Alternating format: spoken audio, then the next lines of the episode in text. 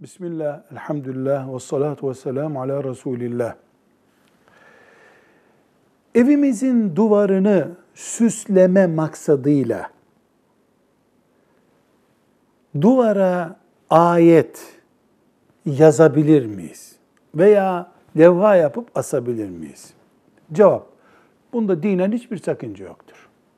Allah'ın ayetleri, Fatiha suresi, ayetel kürsi asılabilir. Hiçbir sakıncası yoktur. Ancak o çerçeve kırıldığında o ayet ne yapılacak? Bu önemli. Duvara yazdığımız, boyadığımız ayet kirlendiğinde onu nasıl çıkaracağız?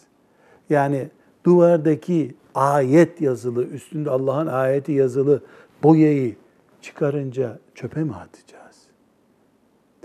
O yazının üstüne bir bez asabilir miyiz?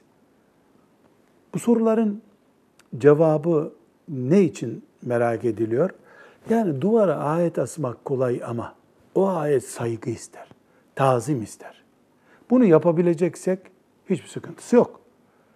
Bunu yapmakta risk taşıyorsak duvarlara ayet yazmamalıyız. Velhamdülillahi Rabbil Alemin.